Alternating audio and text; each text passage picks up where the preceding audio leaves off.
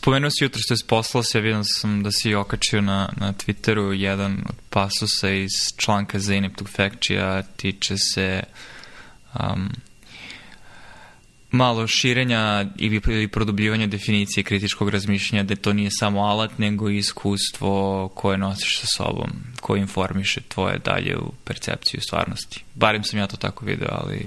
Da. Pa želim da čujem prvo tvoj komentar na tu temu i koji su bili tvoji utisci po tog članka. Na mene najveći utisak ostavio prvi pasus koji kaže tačno što sam ja mislio i što smo međusobno pričali od 2016. pomalo, a od početka 2020. sigurno, a to je da e, ljudi koje znamo, koji su rođeni u Americi i koji nemaju puno iskustva sa zemljama drugog i trećeg sveta su bili potpuno nespremni za stvari koje se dešavaju oko njih nisu znali kako da tumače vesti koje čitaju, stvari koje se dešavaju e, i tek su bili nespremni za ono, stvaranje zaliha i zatvaranje i nestašice koje su bile ovde, doduše jako kratko, ali su bile u, ne znam, martu, aprilu, maju prošle godine. Dok smo mi sa druge strane rođeni preperi, ko iz kog uh, perioda početka, sredine ili kraja 90-ih, tako da smo znali da vrlo lako mogu sistemi oko tebe da se uruše, da je jako malo stvari treba da se desi da ljudi izgube poverenje u institucije i da bude ono svako za sebe i može da se uzdaš samo u, u, u tebi najbliže.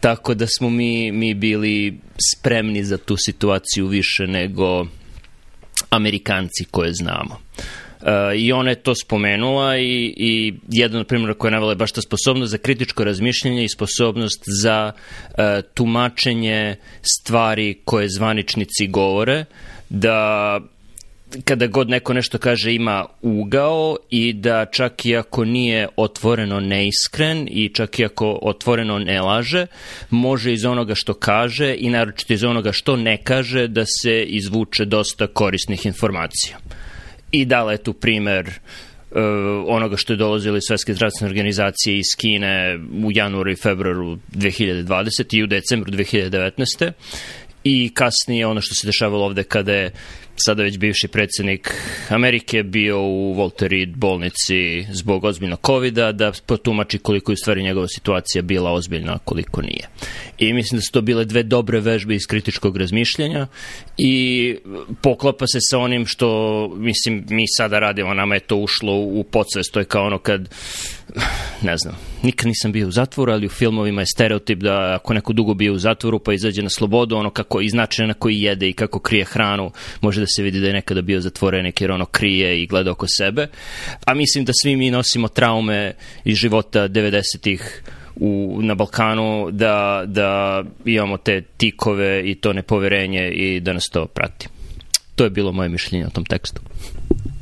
Da, a mislim da sve tako nam podlače da je taj način razmišljanja koristan, pogotovo u ovakvim situacijama koje su u suštini prelomni trenuci gde postoji velika nesigurnost po pitanju mogućeg ishoda, a prilično verovatnoće da taj ishod može da bude nepovoljan po tebe lično ili po tvoju okolinu, tako da određena doza po znacima navoda paranoje u stvari se gotove legitimna strategija u takvim situacijama zato što je rizik pre, mislim rizik nije veliki ali potencijalni ishod je toliko loš da uh, bi bilo glupo ne, ne uračunavati to.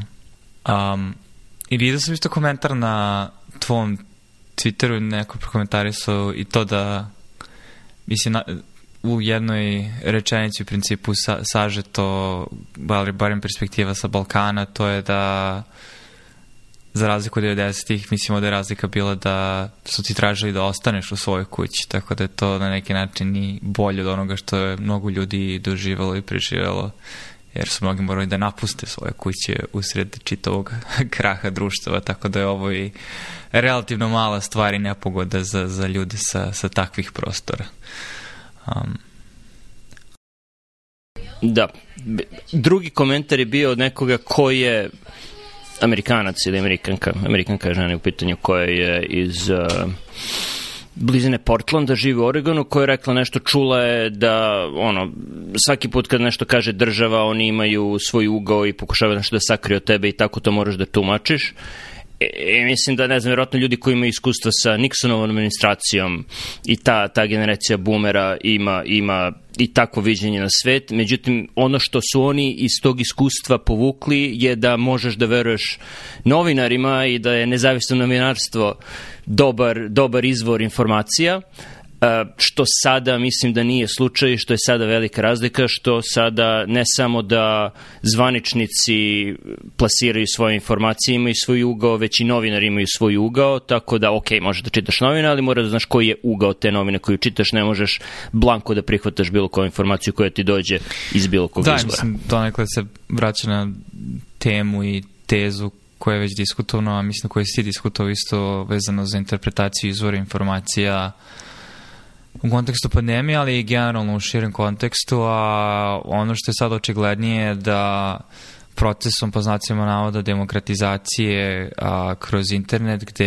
je sve više ljudi uključeno u mrežu im sve lakše doći do sadržaja čak i lakše nego za vreme zlatne ere blogova takozvane a, a na neki način vrlo meta s obzirom da Zeynep Tufekci ima Substack a, ovaj, sa kojeg je taj članak svedoči o tome da da, mislim da su tradicionalni oblici novinarstva, barem u Sjedinjenim državama i zemljama poput iste u krizi zato što su u direktnoj kompeticiji sa ljudima koji potencijalno imaju veću stručnost u određenoj temi, s obzirom da se bave samo time i samim tim, a, a imaju dovoljno ili barem u mnogome olakšan pristup publici, tako da jedan novinar koji je mnogo znao o svim stvarima a, se potencijalno kompetira sa desetoro ljudi koji znaju dosta o jednoj ili dve stvari koju bi taj novinar trebalo da pokriva, a onda bi ljudi možda trebalo lakše ljudima da čitaju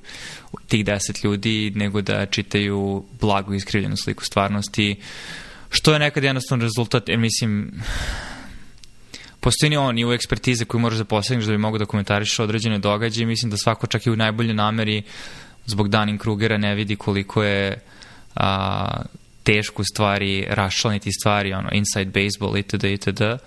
Ali često onda potpadneš pod um, okosnicu same novinske kuće i, i njihove interpretacije stvarnosti i, i Ne znam. O, o, mislim da idem na sve strane zato što pokušam konkretno da izvegnem temu. Znam, ali mo moram da se dotaknem te teme jer si rekao nešto što je jako bitno, a to je čak i u najboljoj nameri. Veliki problem je što za ne znam koji procenat Lupiću, 80, 90, 95% komentara koje mogu da se nađu na društvenim mrežama i šire na internetu o tekstovima koji izlaze i o knjigama i o bilo čemu ne dolaze iz dobre namere, ne dolaze iz iskrene želje da se shvati nešto što je neko hteo da kaže kroz tekst, razumejući da je ono što neko nešto napiše samo surogat onoga što mu je u glavi ili što joj je u glavi, a do čega ne možemo da dođemo. Dakle, nemaju tu nameru, imaju nameru da izvuku jednu, dve, tri eksplozivne rečenice ili ideje i da je predstave u takav kontekst da bi dobili što više uh, lajkova na, na Facebooku i na Twitteru i što više pozitivnih komentara svoje strane, zato što su onu drugu stranu prikazali u lošem svetlu i spomenuo si Substack Zeynep Tufekci. Još jedan jako dobar Substack je Matthew Iglesiasa, koji je jedan od snimača Voxa. Zove se Slow Boring, koji je jako lepo napisano, zato što je on osoba koja voli jako duboko da zađe u neke pomalo i dosadne teme, ali sa jako stručnosti i lepo napisane, tako da preporuka i za, i za, taj, i za taj newsletter Substack, ne znam koji je prevod na srpski, ok? Uh, I on je povodom nečega drugog što o čemu, ok, nećemo sada da pričamo, ali je napisao kako treba čitati što više i što šire sa željom da se razume ono što je pisac hteo da kaže, a ne sa željom da se um, izvuče citat koji će biti pogrešno shvaćen, a da bi se dobilo što više lajkova. Da, ali mislim da jedno, jedan od, mislim, definitivnih um, promenljivih koja nije bila prisutna tu pre 20-30 godina jeste to da na neki način a, način na koji novinske kuće zarađuju novac a, direktno zavisi od posetilaca, ali s obzirom da sadržaj koji se mogu konzumirati i pažnja za koji se takmiče sada i novi, novo nastali ostali izvori, novi mediji ili kako već, a, samim tim se javlja sukob interesa od strane novinskih kuća kada komentarišu te sfere zato što znaš da njima ne odgovara proliferacija alternativnih oblika sadržaja. I kad kažem alternativni oblici sadržaja, ne mislim na teorije zavere, YouTube klipove i Facebook grupe, mislim na konkretno ljude koji a, čije direktno ime vezano za njihov brand i koji poput Zeynep Tufekci ili Matthew Iglesias se a, duboko bave temom i stoje iza toga što pišu i mislim da imaju, što internet dozvolio, direktan, direktni kontakt sa publikom, samim tim nije im potrebna a, ono, nije im potreban krov medijske kuće jer su sam, sami mogu da nađu svoju publiku s obzirom da internet to dozvoljava. Da, s obzirom da samo u posljednjih godinu, dve postoji ta infrastruktura da oni mogu bez puno troškova da prime direktno uplate od ljudi koji vole da ih čitaju i da to budu redovne uplate. I to je sada postalo mm, trivialno da se na sub, sajt se zove Substack, znači pravi se da bi, da bi ljudi slali newsletter ili mailove, redovne mailove sa tekstovima, znači to je nešto kao blog koji ljudima stiže na, na email adresu, mada postoji blog strana, mogu da biraju kom, da, da li će neko plaćati ili ne, postoje tekstove koji idu onima koji plaćaju, postoje tekstove koji idu svima, čak i ako ne plaćaju. Dva teksta koje ću ja linkovati u naše, e, za ovu epizodu su tekstovi za koje ne mora da se plaća, jedan od Zeynep, drugi od Matthew. E, I oni, to je u stvari jednostavnija varijanta ključ u ruke onoga što Ben Thompson radi na Stratechery već 10 godina ili više od toga, znači mislim da je on jedan od prvih koji je to počeo, ali trebalo je mnogo, mnogo više truda sa njegove strane da se napravi uplate kreditne kartice, računi itd. itd. Pa nije slučajno da je on uh, komentator i analitičar po znacima navoda teh, teh, te, tehnologije, s obzirom da je pre 10 godina treba mnogo više tehničkog znanja bilo neophodno da bi uopšte neko pokrenuo takav biznis, tako da novi modeli poput Substacka olakšavaju to mnogo ljudima koji imaju ekspertizu u drugim domenima i onda samo mogu da se prijeve na website i da sve ostalo bude rešeno u pozadini. I mislim da je to glavni razlog što Substack uprkos svom relativno minimalističkom i monotonom dizajnu i dalje uživa veliku popularnost ili barem je vrlo popularan trenutno. Za sada, zato što Twitter je otkupio za neke smešno male pare uh, neku evropsku kuću, da li je danska, skandinavska ne, ne, ili holandska možda, koja je imala, koja je bila uh, konkurencija Substacku i sada postoji. Ako odeš na Twitter website, što ne preporučujem, i odeš na More, više, vidjet ćeš jedan odljak gde piše newsletter, tako da ljudi mogu da naprave svoj newsletter i mogu da dobiju svoje čitaoce direktno preko Twittera. Tako da mislim da je ovo varijanta Facebook koji uveo stories da bi uh, parirao Snapchatu ili kome god, uh, sad je Twitter to uradio za newslettere Substacku, tako da uzimaju manje para za one koji hoće da naplaćuju svoje svoje tekstove, vidjet ćemo za godinu, dve, tri koliko će Substack da, da, da bude dugovečan. Da, mislim, ti ja nismo stručnici, ali mislim da je nam očigledno da Twitter ima problem sa monetizacijom višegodišnji, tako da sve što im dozvoljava da urade to je, ja mislim, dobro, zato što će im ono dozvoliti da budu malo i rigorozni po pitanju kultivacije sadržaja koje postoji na Twitteru, ali bilo je, zar nije bilo nešto i e, diskusije i mislim da, da je Twitter takođe kupi neku kompaniju ili, ili kreira platformu za nešto poput Clubhouse-a gde ćeš imati mogućnost da imaš audio konverzacije na Twitteru poput Clubhouse? Mislim da ne. Mislim da je ono što si možda vidio da je Mark Cuban pravi nešto što se zove Fireside. Već postoji firma Fireside da, podcast. Fireside je kupio mi... Google. No. Uh, ali, ali Mark Cuban pravi nešto što će biti kao Clubhouse, samo što ćeš moći da snimiš razgovore i da ih postavljaš kao podcastove. Ne znam da li Twitter ima tu funkcionalnost, ali meni nije jasno zašto Svaki naš razgovor se na kraju sve na Twitter. Uh, Upravo sam to teo da kažem. Mislim, ne, ne mogu verujem koliko sam životi dosadni. Da, strašno. Um, da, no, imamo mnogo zanimljivih života, ali ne možemo o njima da pričamo javno. Uh, Twitter je jako lako mogao da zaradi puno para time što bi omogućio proračune koji imaju mnogo veću funkcionalnost uh, i koji bi mogli granularnije da kontrolišu šta ti se dešava na timelineu i koji bi ako ništa drugo uklonili dosadne reklame i promovisane tweetove i one idiotski explore tab i trendovanje i ostale gluposti. Znači, rado bih platio određenu sumu, ne veliku, ali da, da uklonim sve to. Mislim, plaćam tweetbot i Twitterific na iPhoneu da, da bih gledao Twitter bez tih gluposti. Mislim, oni su imali tu priliku da na taj način uzmu ljudima podatke o kreditnim karticama i da im na taj način polako plasiraju i druge stvari, proizvode.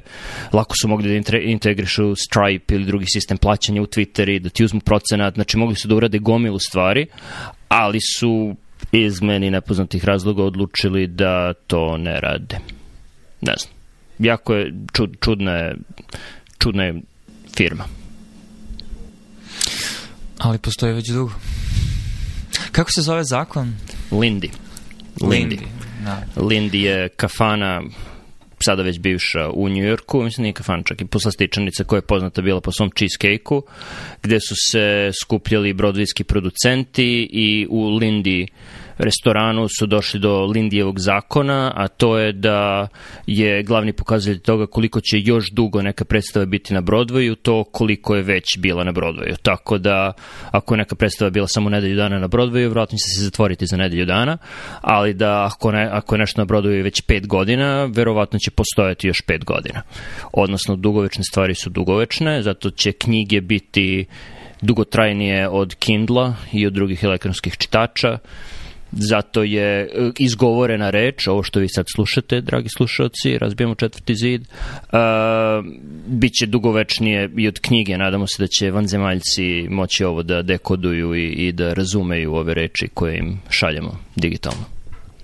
Da, Twitter postoji 14 godina, tako da su dobre šanse da će postati još 14. Pričajući o korisnim efektima, korisnim um, da kažem, eponimima A, znači, skoro sam razmišljao o tome i znao sam da postoji naziv za to, ali nisam mogu lako da ga nađem, a to je kada čitaš nešto poput novine ili nekog izvora informacije koji komentariše različite sfere a, društvene aktivnosti a, i onda kad naletiš na članak koji a, se tiče nečega u što se ti u stvari razumeš, a, konkretno za nas to je bilo donakle medicina, onkologija, um, i onda shvatiš koliko je stvari iskrivljeno, loše prikazano ili akcija bačena na stvari koje nisu toliko bitne i možda neke stvari su i netačne.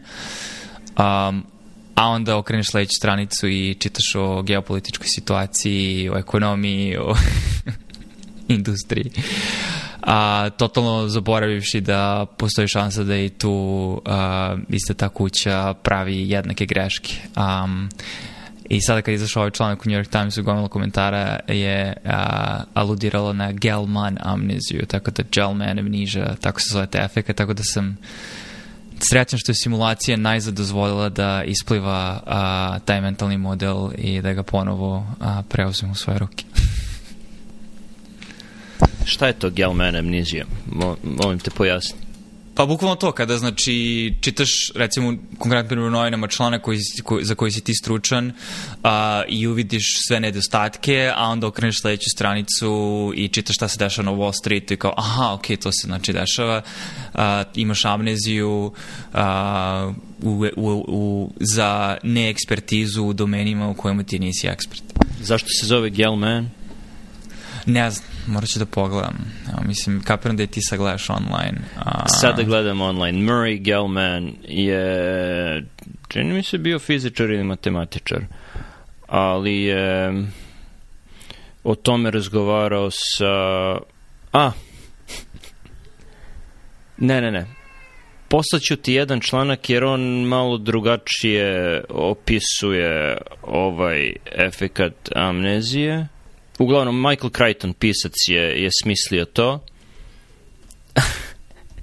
i nazvao je taj efekat Gelman zato što je, jeste taj efekat koji si ti spomenuo i lepo si ga opisao, ali on ga je nazvao Gelman zato što je jednom razgovarao sa Murrayom Gelmanom o tom efektu i misli da ako staviš neko bitno ime uz naziv da mu to daje više na značaju. Wow. Ne znam što to govori o nama, ali mislim da ne govori mnogo toga dobrog. Uh, govori da je Michael Crichton pametan čovek, inače lekar. Go, da, zanimljivo u stvari razmišljam da li će stvarno kontra, s obzirom da svi živimo u, u eri mikroblogova i, i malih komentara na velike stvari, vađenje stvari iz konteksta i onda komentarisanje toga, da će, znaš kao ono, kao u svakom a, pokretu kulturi, sledeći talas uvek javlja kao odgovor na to, raz, zamišljam, raz, zamišljam budućnost u kojoj nove generacije su u fazonu, ne, čitamo samo primarne izvore, ako nisi pročitao sve primarne izvore, ne možeš da diskutuješ na ovu temu. ne verujem da će se to ikada desiti, zato što Možemo se nema nadati takvoj ni... budućnosti, ali, ali mislim no. Da do nje neće doći. Mislim da nikada, nikada, mogu odgovorno da tvrdim na osnovu ničega, ali mogu odgovorno da tvrdim da nikada nije bilo diskusija gde su ljudi, nikad nisu preovladavale svetom diskusije gde su ljudi čitali primarne izvore od kada je uh, bilo štamparije i Gutenberga. I mislim da savršeno, ironično, tvoja rečenica bez bilo kakvih re, izvora potvrđuje samu sebe. Apsolutno. Pa, primetio si mete komentar. Hvala. Da. Hvala.